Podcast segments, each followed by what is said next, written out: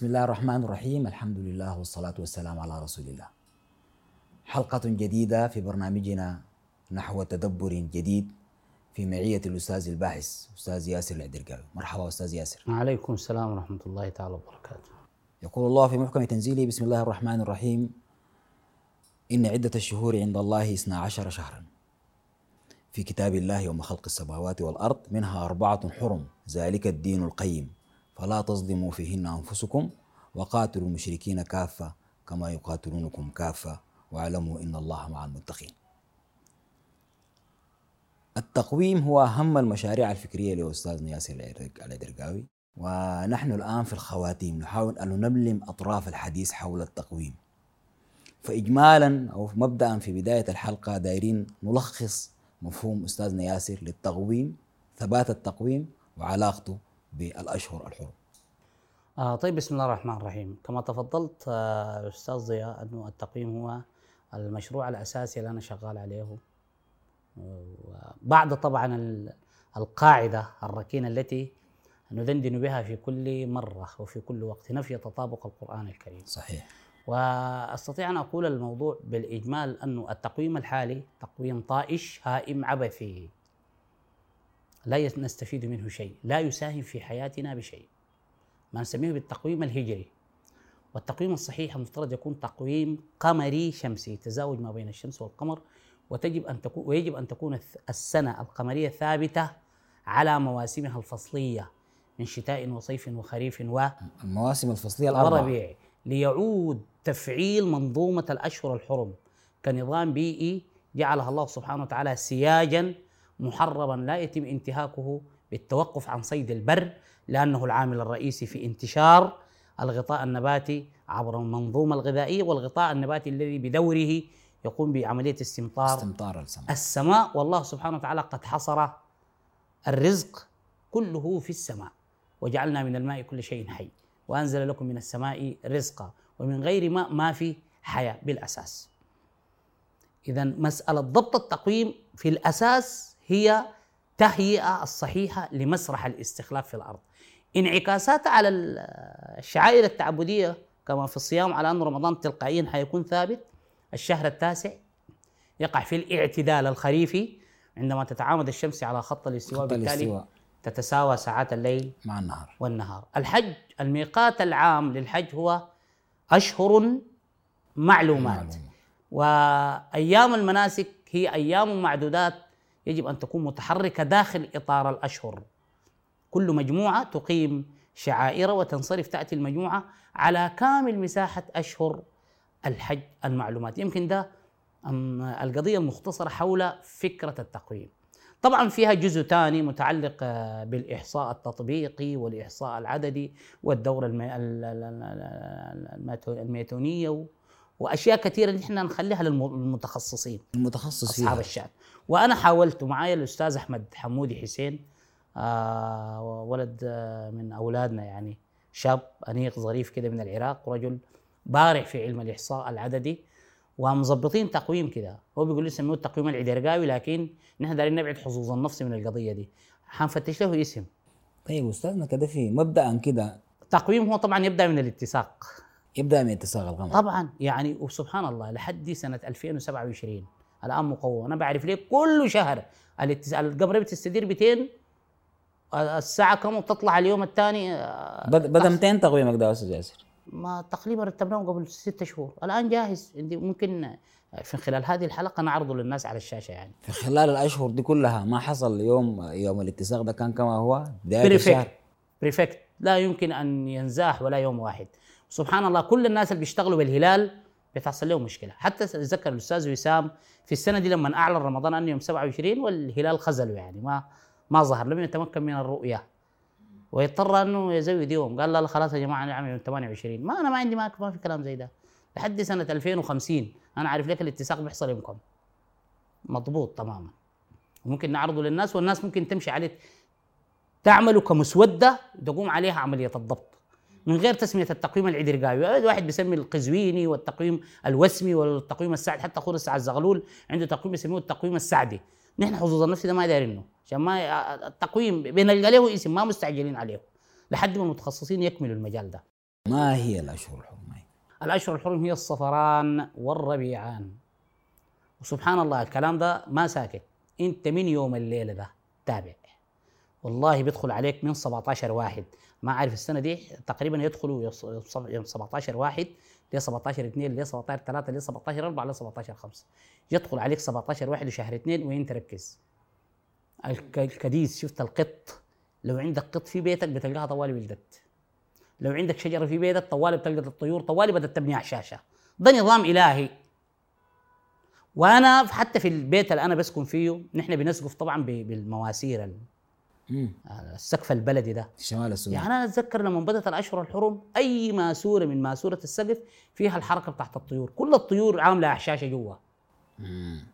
كل القطط الكلاب أي حيوان بتلقاه فترة التزاوج. تزاوج. فترة أنا بتلد في الفترة دي. لأنه ده نظام بيئي هي اللي هو اللي بنسميه نحن محرم. هو الاسم الحقيقي أصلا سموه محرم عشان دار يهربوا من مشكلة الشهر الحرام. عملوه في محل صفر أول واطلقوا عليه المحرم. لا المحرم ده ما شهر أصيل. في صفر أول وصفر ثاني. ربيع أول وربيع ثاني.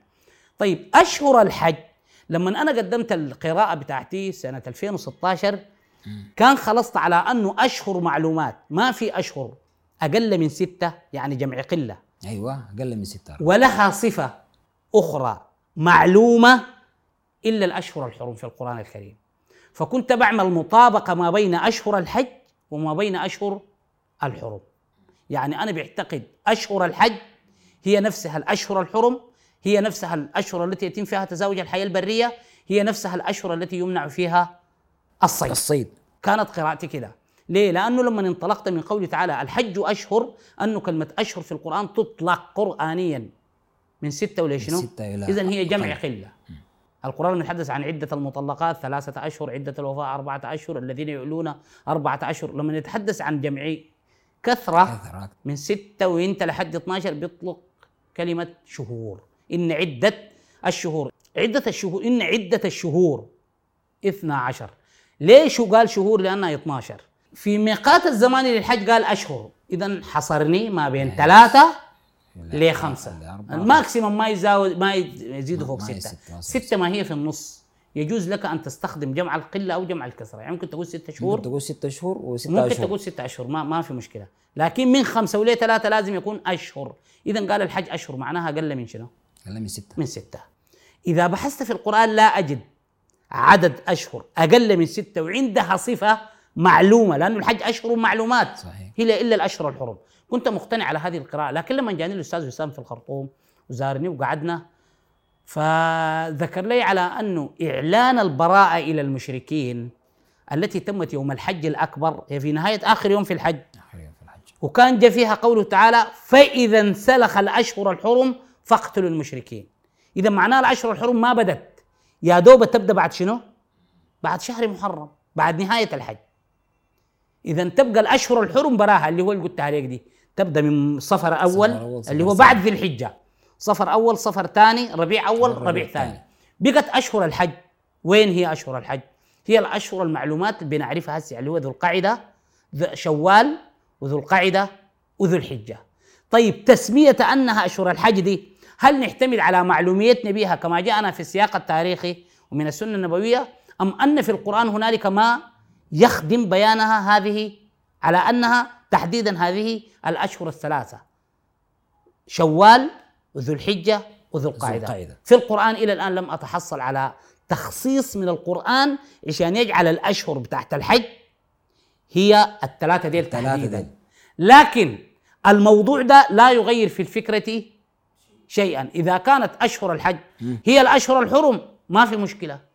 لا يتعارض مع التقويم ولا يتعارض مع هذا المبدأ. وإن كانت هي الأشهر ال- المعلومات التي جاءتنا عبر التسلسل التاريخي شهر شوال وذو القعدة وذو الحجة برضو ما في ما في مشكلة. لكن نحن المبدأ أنه الحج أشهر أقلها ثلاثة. ثلاثة. والأشهر الحرم معروفة هي الربيعان والصفران والربيعان. طبعا كده يعني إحنا الأشهر حقت الح- ال- ال- الحج. هي الثلاثة ولا نثبت على إنه هي الأربع أشهر الحرم؟ أنا هنا بترك ال- ال- الموضوع للمشاهد. أنا أقول إذا كانت الحج أشهر معلومات ما في أشهر في الحج معلومات عندها صفة معلومة وهي أقل من خمسة إلا الأشهر الحرم. ما هي دي القرينة. صح. يعني إذا أنا مشيت في الاتجاه ده ده برهان قرآني. لكن عندما أقرأ قوله تعالى في نهاية الحج يوم الحج الأكبر يعني يوم الحج الأكبر جاءت البراءة براءة من الله ورسوله إلى الذين عاهدتم فسيحوا في الأرض أربعة أشهر. فإذا انسلخ الأشهر الحرم. الآية دي بتشير على أن الأشهر الحرم بدت بتين بعد نهاية بعد نهاية محرم. بعد نهاية محرم بعد نهاية الحج.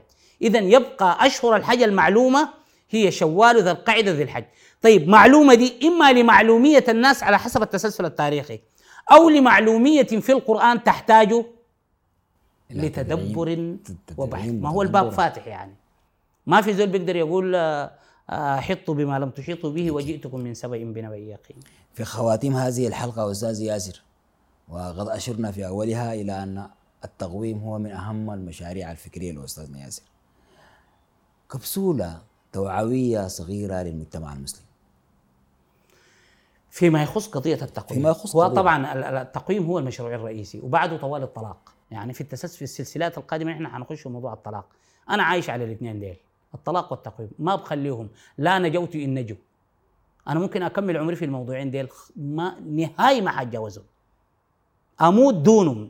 وأتمنى من الله سبحانه وتعالى أن يطول بي العمر وأشهد العالم الإسلامي يضبط التقويم وي- ندعو الله لك بطول العمر ويفطن يعني. يفطن إلى العبث اللي بيحصل الآن وال والنسوان اللي بيشردوا والأطفال اللي بيشردوا بفعل الطلاق الخاطئ الذي لا علاقة له بالقرآن الكريم. فالكبسولة اللي أنت قلتها في في موضوع التقويم أو في الموضوعين ديل أنا بقول انتبهوا يا أمة الإسلام. أنتوا عندكم كنز لكن ما حاسين به.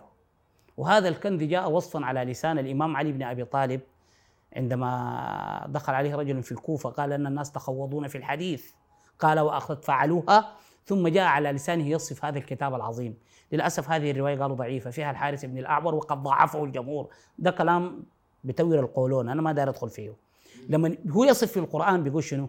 بيقول هو قول الله الفصل ليس بالفصل ليس بالهزل. لا تنقضي عجائبه ولا يخلق عن كثرة الرد ولا تشبع منه بط... شوف التعبير ده غير الإمام علي ذات ما في بقدر بيقوله بالمناسبة. لا يخلق عن كثرة الرد ولا تنقضي عجائبه ولا تشبع منه بطون العلماء. من حكم به عدل ومن ابتغى العزة في غيره أذله الله. أوصاف عجيبة جدا في الرواية دي. فده كنز بيناتنا الآن. لكن هو الآن معطل مغيب عليه الأطنان من ركام القيل والقال والعنعنة التي تحتاج إلى الكثير من الغربله الصراحه فالقرآن ده لو ما انتقل من التعطيل إلى التفعيل بقى فاعل في حياتنا نحن في ورطة. لو ما انتقل بقى ثورة هو في حد ذاته كما دعا جمال البنا آه لما يدعو إلى تثوير القرآن. صحيح. إذا ما بقى نحن دارين ثوره قرانيه صراحة. يعني الهدف ما نحن دارين نعاكس الناس و- وندعي ال- العضلات الفكرية. ابدا الموضوع ما كده. إذا بمقولة جمال البنا تثوير القرآن من التعطيل إلى التفعيل. بالضبط كده. هي سلسلة متواصلة مشاهدي الكريم وستتواصل في المقبل في المشروع الآخر وهو مشروع الطلاق. أستاذ ياسر شاكر ومقدر لحضورك. بارك الله فيك جزاك الله خير نتمنى لكم متابعة طيبة كل المشاهدين في برنامجنا نحو تدبر جديد. حتى الملتقى لكم خالص الود وأجل التقدير.